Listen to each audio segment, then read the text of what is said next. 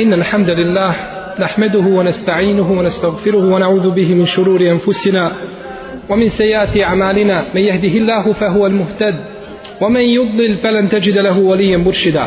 وأشهد أن لا إله إلا الله وحده لا شريك له. وأشهد أن محمدا عبده ونبيه ورسوله وصفيه من خلقه وخليله أدى الأمانة وبلغ رسالة. ونصح الأمة وكشف الله تعالى به الغمة وجاهد في الله حق جهاده حتى أتاه اليقين. يا أيها الذين آمنوا اتقوا الله حق تقاته ولا تموتن إلا وأنتم مسلمون. يا أيها الناس اتقوا ربكم الذي خلقكم من نفس واحدة وخلق منها زوجها وبث منهما رجالا كثيرا ونساء واتقوا الله الذي تساءلون به والأرحام. إن الله كان عليكم رقيبا. يا أيها الذين آمنوا اتقوا الله وقولوا قولا سديدا. يصلح لكم أعمالكم ويغفر لكم ذنوبكم. ومن يطع الله ورسوله فقد فاز فوزا عظيما. أما بعد فإن أحسن الكلام كلام الله. وخير الهدي هدي محمد صلى الله عليه وسلم. وشر الأمور محدثاتها. وكل محدثة بدعة وكل بدعة ضلالة وكل ضلالة في النار. Draga moja braćo i cijenjene sestre, Neka je svaka hvala i zahvala našem gospodaru Tebarake o Teala koji nas je okupio da se družimo u njegovo ime u jednoj od njegovih kuća da se prisjećamo ajeta našeg gospodara Tebarake o Teala i da se prisjećamo hadisa poslanika sallallahu alaihi wasallame a oni nam u istinu ukazuju samo na hajr i na dobro. Sve što je došlo u Kur'anu i što je došlo u hadisu došlo je radi ostvarenja čovjekovog interesa i njegove koristi na dunjaluku i na ahiretu. Pa hoće uzvišeni Allah te barake o ta'ala da olakša čovjeku i na dunjaluku i na ahiretu.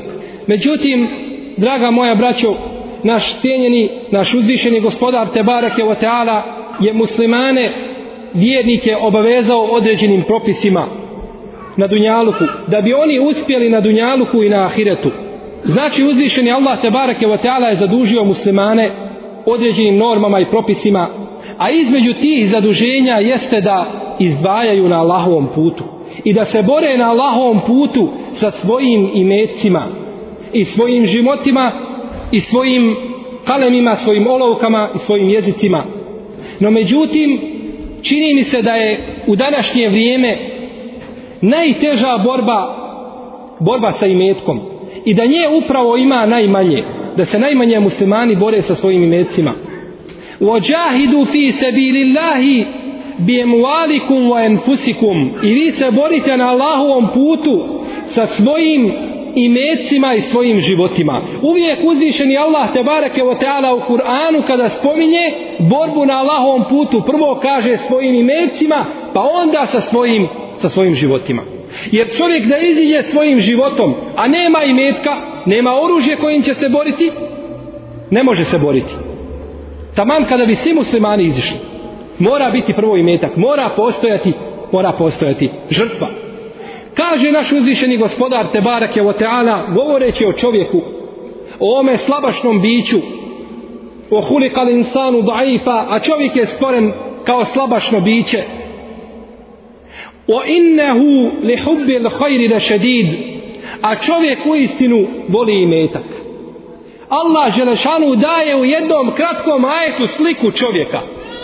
Koliko god čovjek govorio da ne voli imetak, metak je drag njegovoj duši. I ne može niko kazati nije mi drag metak, jer bi time govorio suprotno onome što traži uzvišeni Allah te barake otala i čime je na kraju opisao čovjeka i u formi u kojoj ga je stvorio. Wa innahu li hubbil khayri la shadid. A čovjek voli hajr, kaže Allah dželešanu. Nema razilaženja među mufesirima, među komentatorima Kur'ana da se u ovome ajetu sa hajrom misli na imetak.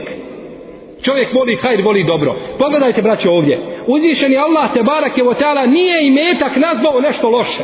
Nego kaže da imetak hajr i da je metak dobro. I u istinu jeste metak dobro.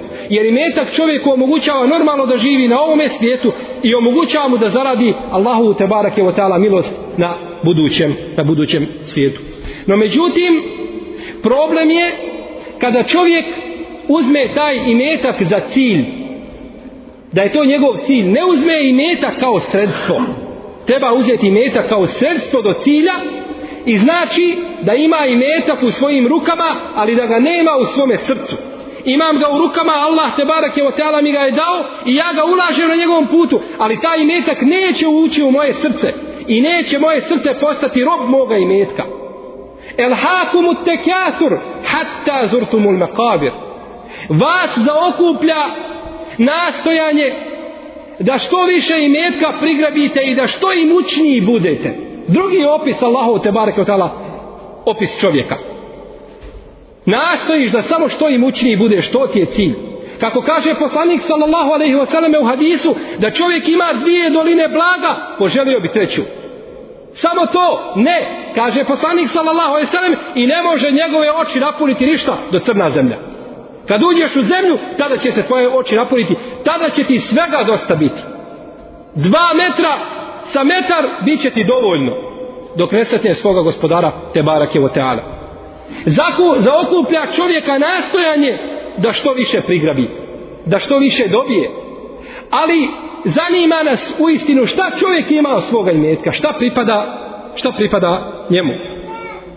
Bideži imam Ibnu Asakir u svojoj povijesti Tarihu Dimešk, jedno njegovo dijelo koje je štampano danas braće u 80 tomova.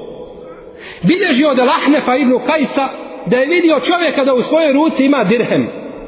A dirhem to je srebrenjak. To je nekoliko centi, pola marke, marka i tako dalje. Pa ga je upitao, kaže, čije je to što držiš u svojoj ruci? Kaže, to je moje. Kaže, bit će tvoje ako ga potrošiš na Allahovom putu. Tada će biti tvoje. Jer ćeš ga tada naći kod Allaha Đelešanu. A drugačije neće biti tvoje. Biće protiv tebe. Biće protiv tebe. Jer čovjek, braćo, voli i metak. I nastoji da ga sebi zadrži i neće da ga daje na Allahovom putu. A Allah voli da ga on da.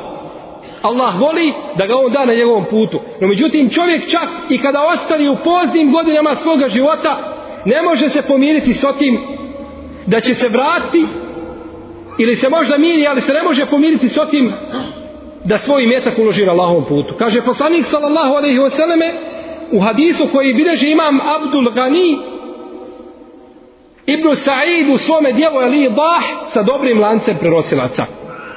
Kaže Allahov poslanik e šejhu jedufu džeseduhu wa kalbuhu šabun fi isnetejni. Kaže čovjek ostari njegovo tijelo oroni dođe u poznu starost, ali je, kaže, njegovo srce mladenačko u dva slučaja. Njegovo srce još uvijek puca onim mladenačkim žarom u dva slučaja. Koja su to dva slučaja Allahov poslaniće? Kaže Allahov vjerovjesnik sallallahu alaihi wasallame tulul haja želja za dugim životom. Uvijek mislim, a bit će još, ma potegnuću ja još koju godinu, da će Allah bereketa i tako dalje, pa ga vidiš zateže, rasteže licu, li, svoju kožu lica, plastične operacije, trči po futbalskim igralištima, ne bili još koji dan duže. Tulul haja želi da dugo živi. O hubbil mal i ljubavi prema imetku. Imetak je život. Hoće znači da ostane na ome dunjaluku. Baš kontra onome što hoće Allah te barake o tala. Allah te hoće da se što brije kotališeš ovoga dunjaluka. Da daš svoj život na Allahovom putu u borbi za Allahovu vjeru i da se riješiš svoga dunjaluka. Jer najbolji je muđahid i vojnik na Allahom putu, kako kaže poslanik, sallallahu alaihi wasallame, onaj koji uzjaše svoju jahalicu svoga konja sa svojom sabljom i svojim imetkom iziđe na Allahom put. Nije samo ostavio svoj imetak sav ženi i djeci i nasljednicima, već sam ga iznio sa sobom na Allahovom putu. Takvi su najdraži uzvišenom Allahu te barake o teala. Znači čovjek ostari, ali u dva slučaja voli imetak i voli znači voli dug život. Kaže poslanik sallallahu alejhi ve selleme u predaji koju bliže ima Ahmed i Sa'id ibn Mansur u svome sunenu sa ispravnim lancem prenosilaca, znači braćo kad kažemo ispravan lanac prenosilaca, to znači da je hadis vjerodostojan, da ga je poslanik kazao. Nije izmišljena bajka i priča, jer mi to ne prihvatamo. Mi u našoj vjeri prihvatamo samo ono što je vjerodostojno preneseno i to je naša vjera. Kur'an sam vjerodostojan, mutevatir, a tako i hadisi poslanika sa svema kojima govorim su, govorimo, jeli, oni su vjerodostojni. Kaže poslanik sallallahu alejhi ve selleme isnetani jekrehuhuma ibnu Adem dvije stvari mrzi Ademov sin, čovjek, mrzi dvije stvari. Jekrahul meut, wal meutu hajrun lehu minal fitne. Mrzi smrt, a smrt mu je bolja nego iskušenja. Bolje je čovjeku da umre i da nestane sa lica zemaljskog, nego da bude iskušan u svojoj vjeri. Pa da se Allahu Đelešanu vrati, ne daj Bože kao nevjednik, pa da vječnu Allahovu te barak je o teala kaznu zasluži. Mrzi smrt, a smrt je njemu bolja nego ovaj od iskušenja. O jekrahu qilletal mal o al mali akalu lil hisab. I mrzi malo imetka i mrzi da ima malo imetka. A u istinu malo imetka mu je bolje, jer će lakše položiti svoj račun. Kada imaš manje imetka, lahko ćeš položiti. Onda ti Allah progleda kroz prste pa te pusti. No međutim, kada imaš puno imetka, bit ćeš pitan za svaki dinar i dirhem gdje si ga uložio i u šta si ga, i u šta si ga dao.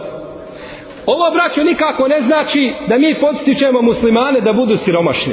To se ne smije tako razumjeti. Bože, sačuvaj, musliman treba biti jak i materijalno i fizički. Treba biti jak. Jer se samo tako može suprostaviti ovim nevjerničkim hordama koje su se ujedinile, koje fesad i nered po zemlji čine da bi muslimane i njihovu vjeru zatrali. Jedino se tako njima može suprostaviti.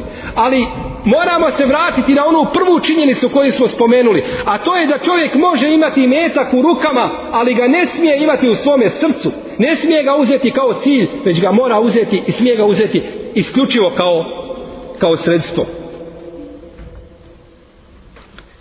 Bileže Buharija i Muslim u svojim vjerodostojnim hadijskim zbirkama da je poslanik sallallahu alaihi wasallam rekao afdalu sadakati ente sadaka wa ente sahihun šahih. Najbolja sadaka kod Allaha Đelešanu jeste kaže da dadneš sadaku. Wa ente sahihun dok si zdrav. Dok si u svojoj mladenačkoj formi da daš sadaku. Kada si ti najpotrebniji tvoje tijelo i tvoji šehveti ljudski i tvoji prohtjevi traže i metak da tada daš. Šehih mudar. Kada si škrtica kada tvoja duša ne bi dala taj imetak tada da ga daš.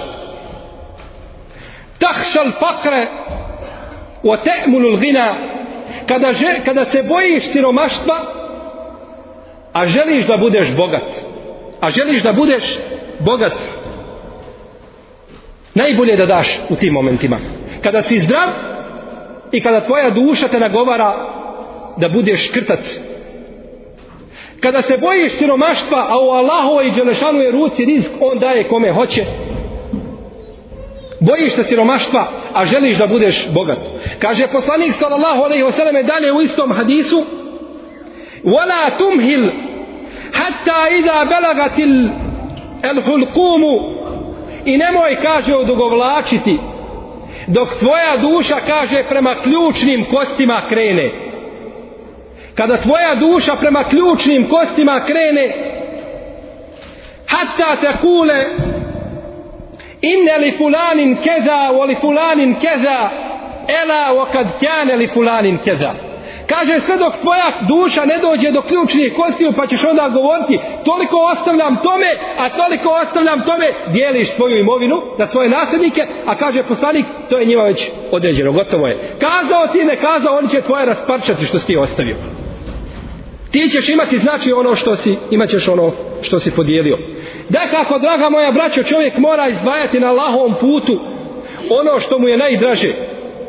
Znači, kazali smo da čovjek treba udjeljivati na Allahovom te barake o teala putu njemu najdražu imovinu njemu najdražu imovinu uzvišeni Allah te barake o teala nam govori i savjetuje nas da ne dijelimo na njegovom putu ono što ne bismo ni sami primili i uzeli osim zatvorenih očiju. Kad ne vidiš šta je onda bi primio ali da pogledaš šta je nikad to u svoje ruke ne bi uzeo. Allah te barake o tala neće tako. Kaže uzvišeni Đelešenu, len tenalul birra hatta tunfiku mimma tuhibbun. Kaže nećete zaslužiti pravo dobročinstvo i nećete dobiti pravu nagradu od Allaha dok ne budete izdvajali na njegovom putu ono što volite ono što voliš, ono što ti je najdraže وَمَا تُنْفِكُ مِنْ شَيْءٍ فَإِنَّ اللَّهَ بِهِ عَلِيمٌ A šta god date na Allahovom putu, Allah to zna. Allah to zna. Šta god čovjek znači da izvoji na Allahovom putu, Allah Želšanu to zna. A neće Allah primiti osim da izvojiš ono što ti je najdraže od tvoje imovine. Jer Allah je, kako kaže poslanik sallallahu alaihi wasallame, inna Allahe tajibun la jakbelu illa tajiba. Allah je lijep i ne prima osim lijepo.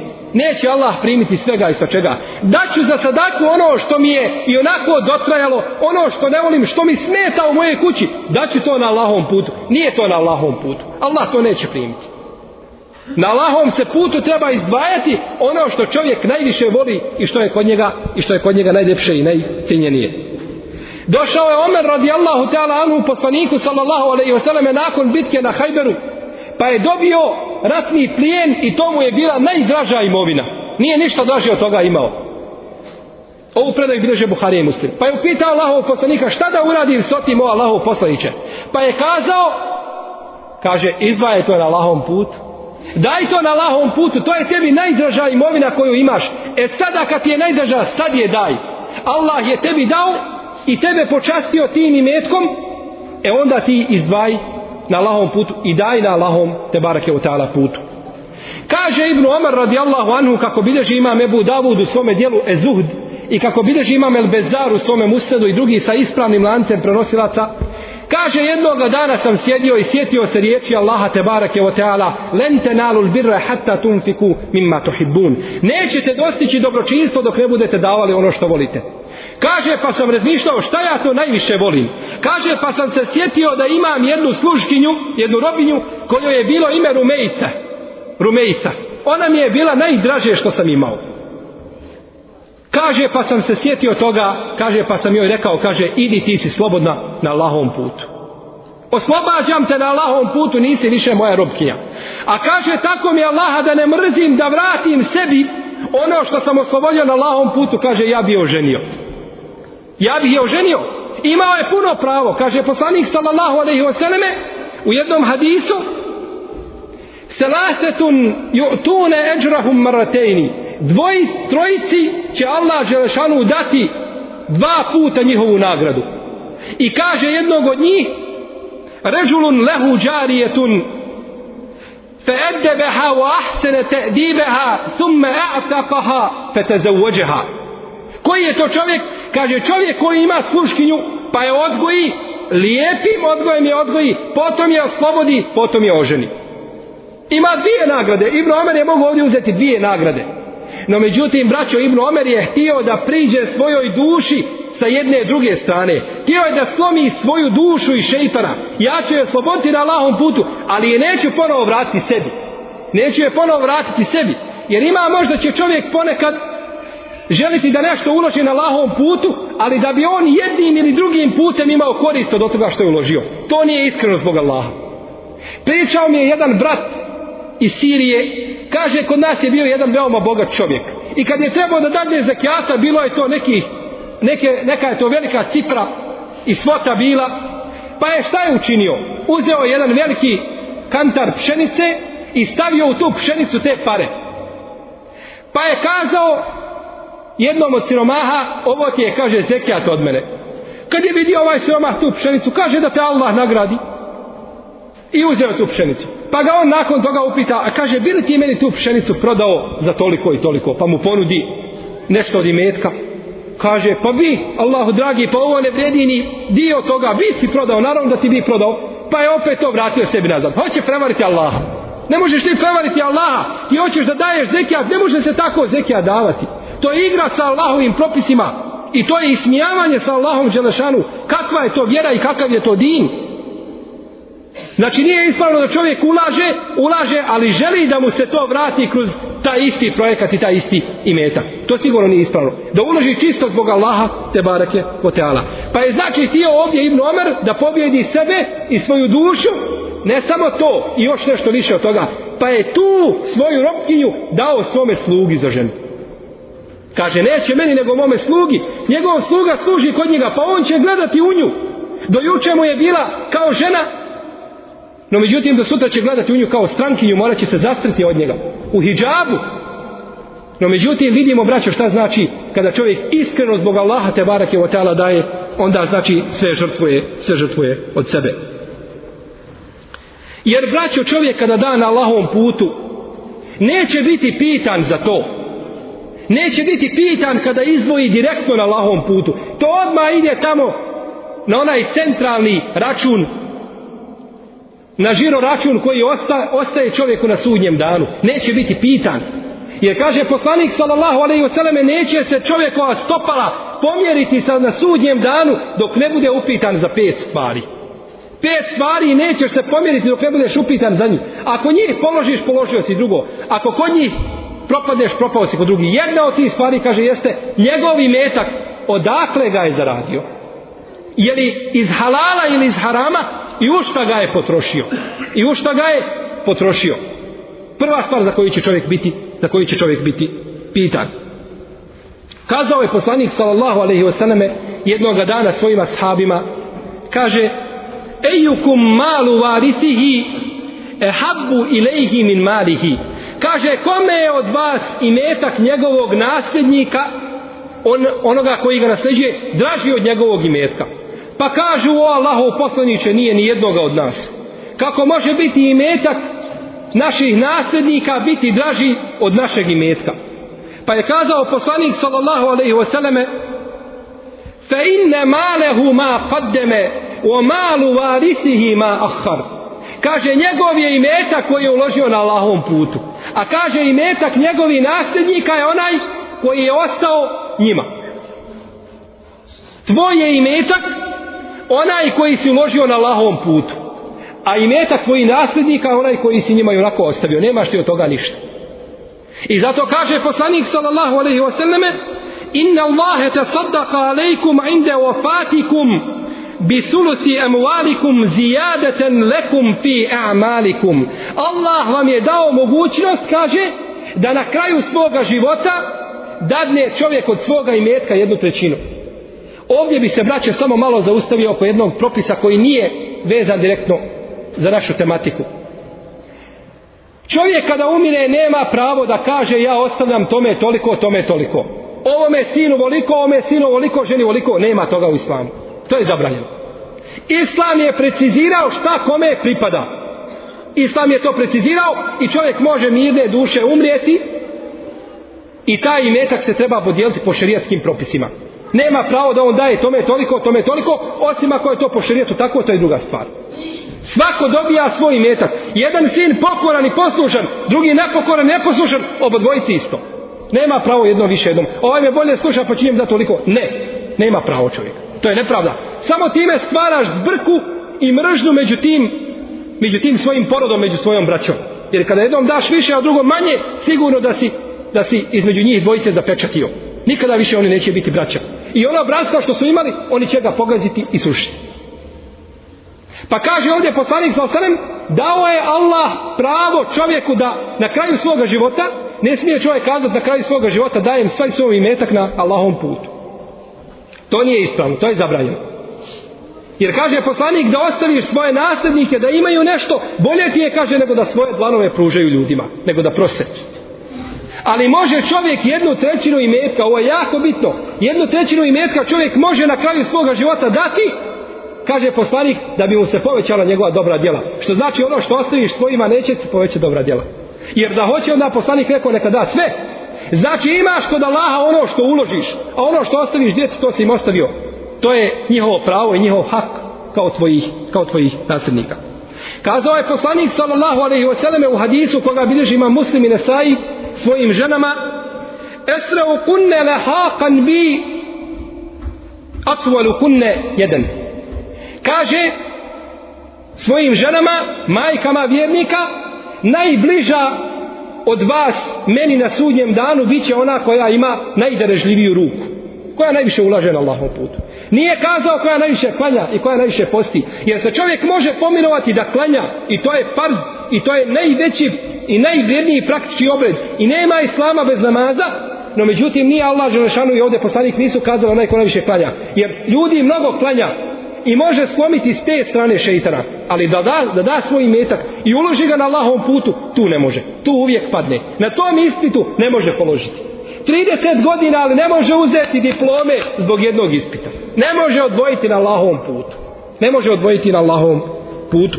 A kazao je poslanik sallallahu alaihi wasallam i slušajte draga moja braća ovaj hadis. Slušajte hadis kojim je govorio Allahov poslanik sallallahu alejhi ve selleme kome objava dolazi ujutro i naveče koji ne govori po svojim prohtjevima i po svojim herojima poslušajte šta kaže u hadisu koga bilježe Buharija i Muslim. Kaže ma min yawmin yusbihu el ibadu fihi illa wa malakani jenzilani fe yakulu ahaduhuma kaže nema ni jednog dana u kome osvanu Allahovi robovi a da se kaže u tome danu ne spuste dva meleka sa nebesa. Dva meleka sa nebesa. Fa kale ahaduhuma pa kaže jedan od njih Allahumma a'ti munfiqan khalafan. Wa yakulu al-akharu Allahumma a'ti mumsikan talafan kaže jedan od njih Allahu dragi podari onome čovjeku koji je izdvojio na tom ovome putu, kaže nadoknadi mu ono što je izdvojio. Melek, a dova meleka se ne odbija, braću. Melek kada nešto kaže i zatraži od Allaha, ta je dova uslišana. Jer su meleki bića koja ne griješe. I ne dove osim dobro. Šta kaže ovdje za čovjeka? Allahu dragi, daj čovjeku koji je uložio na tvome putu, nadoknadi mu to što je uložio. Kaže, nema ni jednog dana u kome osvanu Allahovi robovi, a da se kaže u tome danu ne spuste dva meleka sa nebesa. Dva meleka sa nebesa. Fa kale ahaduhuma pa kaže jedan od njih Allahumma a'ti munfiqan khalafan wa yakulu al-akharu Allahumma a'ti mumsikan talafan. Kaže jedan od njih Allahu dragi podari onome čovjeku koji je izdvojio na tom ovome putu, kaže nadoknadi mu ono što je izdvojio. Melek. A dova meleka se ne odbija, braću. Melek kada nešto kaže i zatraži od Allaha, ta je dova uslišana. Jer su meleki bića koja ne griješe. I ne dove osim dobro. Šta kaže ovdje za čovjeka? Allahu dragi, daj čovjeku koji je uložio na tvome putu, nadoknadi mu to što je uložio.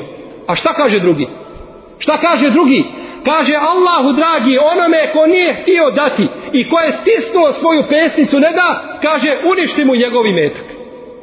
Uništi mu njegovi metak. Pa ko je sad ovdje na dobiti? Onaj koji je uložio, onaj koji je škrtario. Onaj koji je uložio, ima nagradu što je uložio i melek dovi pa mu dođe isto.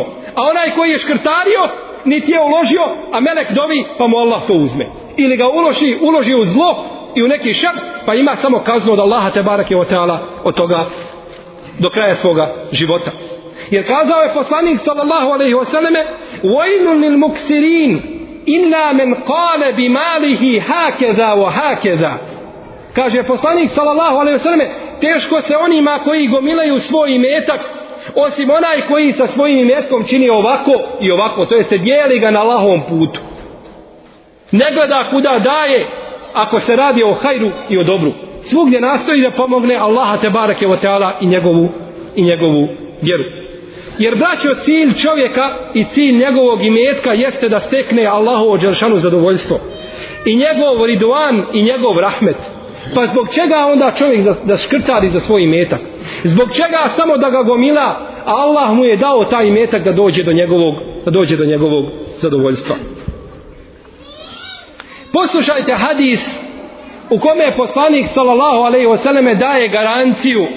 A kada poslanik nešto vam braćo garantuje, to će se sigurno ostvariti i ta će se garancija ispoštovati. Ispoštovat će se garancija jer je to garancija od uzvišenog Allaha te barake o teala. Kaže poslanik sallallahu alejhi ve selleme Selasetu uksimu alejhin. Kaže poslanik sallallahu alejhi ve selleme tri stvari ja vam se kunem na njima. Ja vam se kunem na tim stvarima i dajem vam garanciju na njima. Ma nakasa malun min sadaka neće se, kaže čovjeku, umanjiti i metak od sadake koju da. Poslanik sallallahu alaihi wasallam garantuje muslimanima da se neće umanjiti i metak od sadake koju da.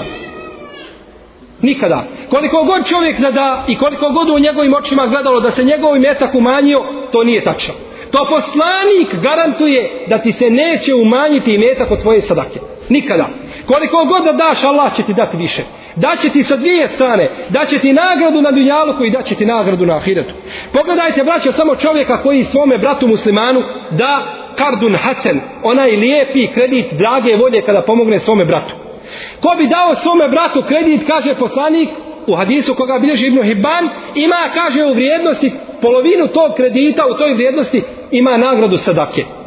Pozajmiš svome bratu stotinu hiljada. Kada ti vrati nazad, ti imaš svoji stotinu hiljada i imaš nagradu kao 50 hiljada da si dao sadake. A kada dođe vrijeme da ti vrati, pa ti on ne može vratiti, za svaki dan što mu odgodiš, imaš nagradu sedake u toj vrijednosti koju si mu pozajmio. Ima li to igdje na Dunjaluku? Navedite mi primjer da ima čovjek ili ustanova ili institucija koja daje takve nagrade i koja tako čovjeka nagrađuje. To nema nigdje. To samo ima kod Allaha te barake o ta'ala. Jer je on prema nama najmilostiviji i hoće daje nam svoju milost u svojoj ruci, a mi nećemo ili se nečkamo ili se dvoumimo da uzmemo tu milost i da je kupimo za jako jeftina sredstva. To ima samo kod uzvišenog Allaha te barake o teale.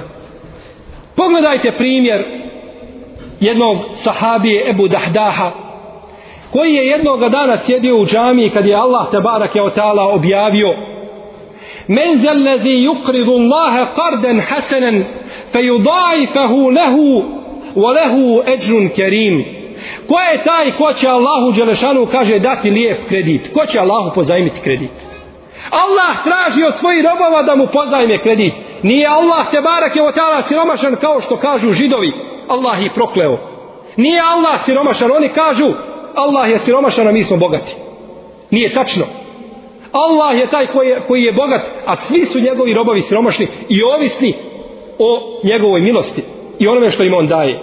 Kaže, ko će Allahu dati kredit taj lijepi, pa da mu Allah želešanu da mu to obilno vrati. U drugom ajetu, men zellezi yukridu Allahe qardan hasena fe yudajfehu lehu adafen kethira prvi ajet je u suri Al-Hadid a drugi u suri Al-Bekare kaže ko će dati Allahu Đelšanu taj lijepi kredit pa da mu to Allah mnogostruko vrati.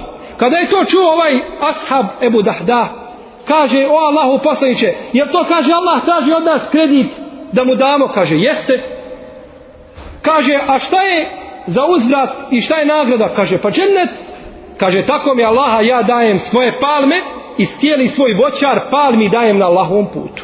Imao je u njemu, kako kaže Imam El Bezar u svome musledu, preko šestotina palmi. Znate što znači šestotina palmi u njegovo vrijeme?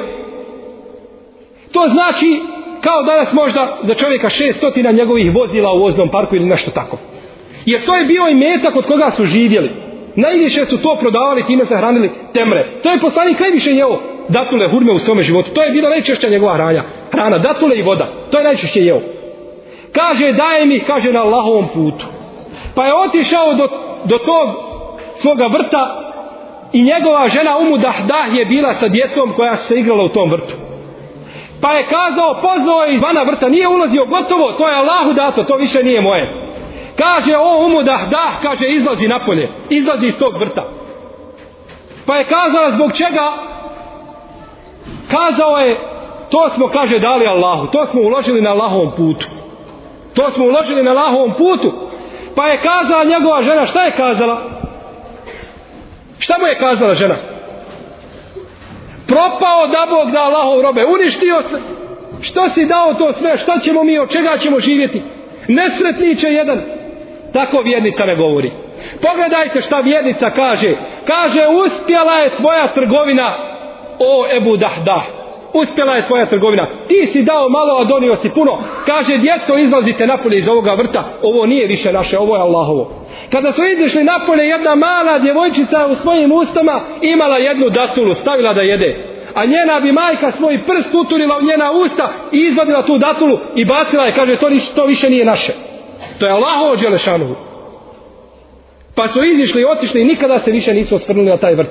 Ali znajte da je uzvišen Allah te barake od tela, kako kaže poslanik, koliko je, kaže Allah, dao lijepih palmi Ebu Dahdahu u džennet. u džennetu. A kakve su to džennetske palme? Džennetsko drvo kaže poslanik sallallahu alejhi ve selleme da brza da jahač na brzom konju jaše stotinu godina ispod hlada i ne može to proći. U drugoj predaji da je deblo toga drveta od zlata, od zlata. To je ono što Allah te barak i otala daje ljudima kada ulože neku sitnicu na ome prolaznom svijetu koju su zaradili. A to je opet od Allahove milosti njegove volje njegovim, njegovim robovima. I kazao je braća Allahov poslanik sallallahu alaihi selleme u predaji koju bilježi bilježe Buharije muslim enfik kaže Allah te barake wa ta'ala robovima dajte na Allahovom putu unfik alejke ja ću tebi dati.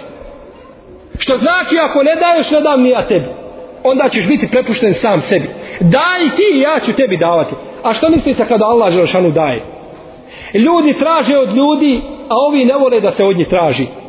A neće da traže od Allaha Allah voli da se od njega traži. Pa zbog čega su se poremetili kriteriji?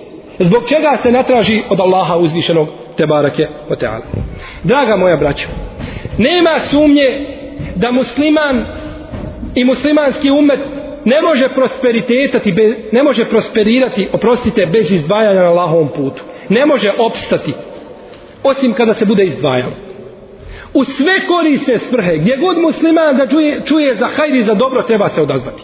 A nema sumnje da je jedan od najboljih načina u izdvajanju na Allahovom putu jeste da čovjek gradi Allahove kuće džamije. Nema boljeg načina i nema boljeg jednostavnijeg puta da čovjek dođe do Allahovog zadovoljstva od gradnje džamija. Kaže naš uzvišeni gospodar Tebarake o Teala Innama ja'muru mesađid Allahi men amene billahi wal jeumil ahir wa eqame salate wa ate zekja Kaže u istinu Allahove kuće grade samo oni koji vjeruju u Allaha i koji vjeruju u sudnji dan i koji namaz obavljaju i koji zekija daju Olem jahše ima Allah i ne boji se osim Allah. ne boji se da će osiromašiti jer zna da mu Allah daje Fa'asa ulaike en jekunu min muhtedin i ti će uz Allahovu pomoć biti na uputi. I ti će uz Allahovu te barake wa ta'ala pomoć biti na uputi. Allahove kuće grade samo njegovi iskreni robovi. U jednoj predaji stoji, stoji kaže džamije grade samo pravi muškarci ljudi. Ne misli se ovdje da se žene izdvajaju, Bože sačuvaj, no međutim samo pravi mu'mini i pravi vjernici kako kaže poslanik grade grade džamije. To je sa jedne strane. S jedne strane su najbolji oni koji grade džamije, a najgori su oni koji spriječavaju gradnju džamija ili nastoje na ovaj ili onaj način da obustave i da ospore takav projekat.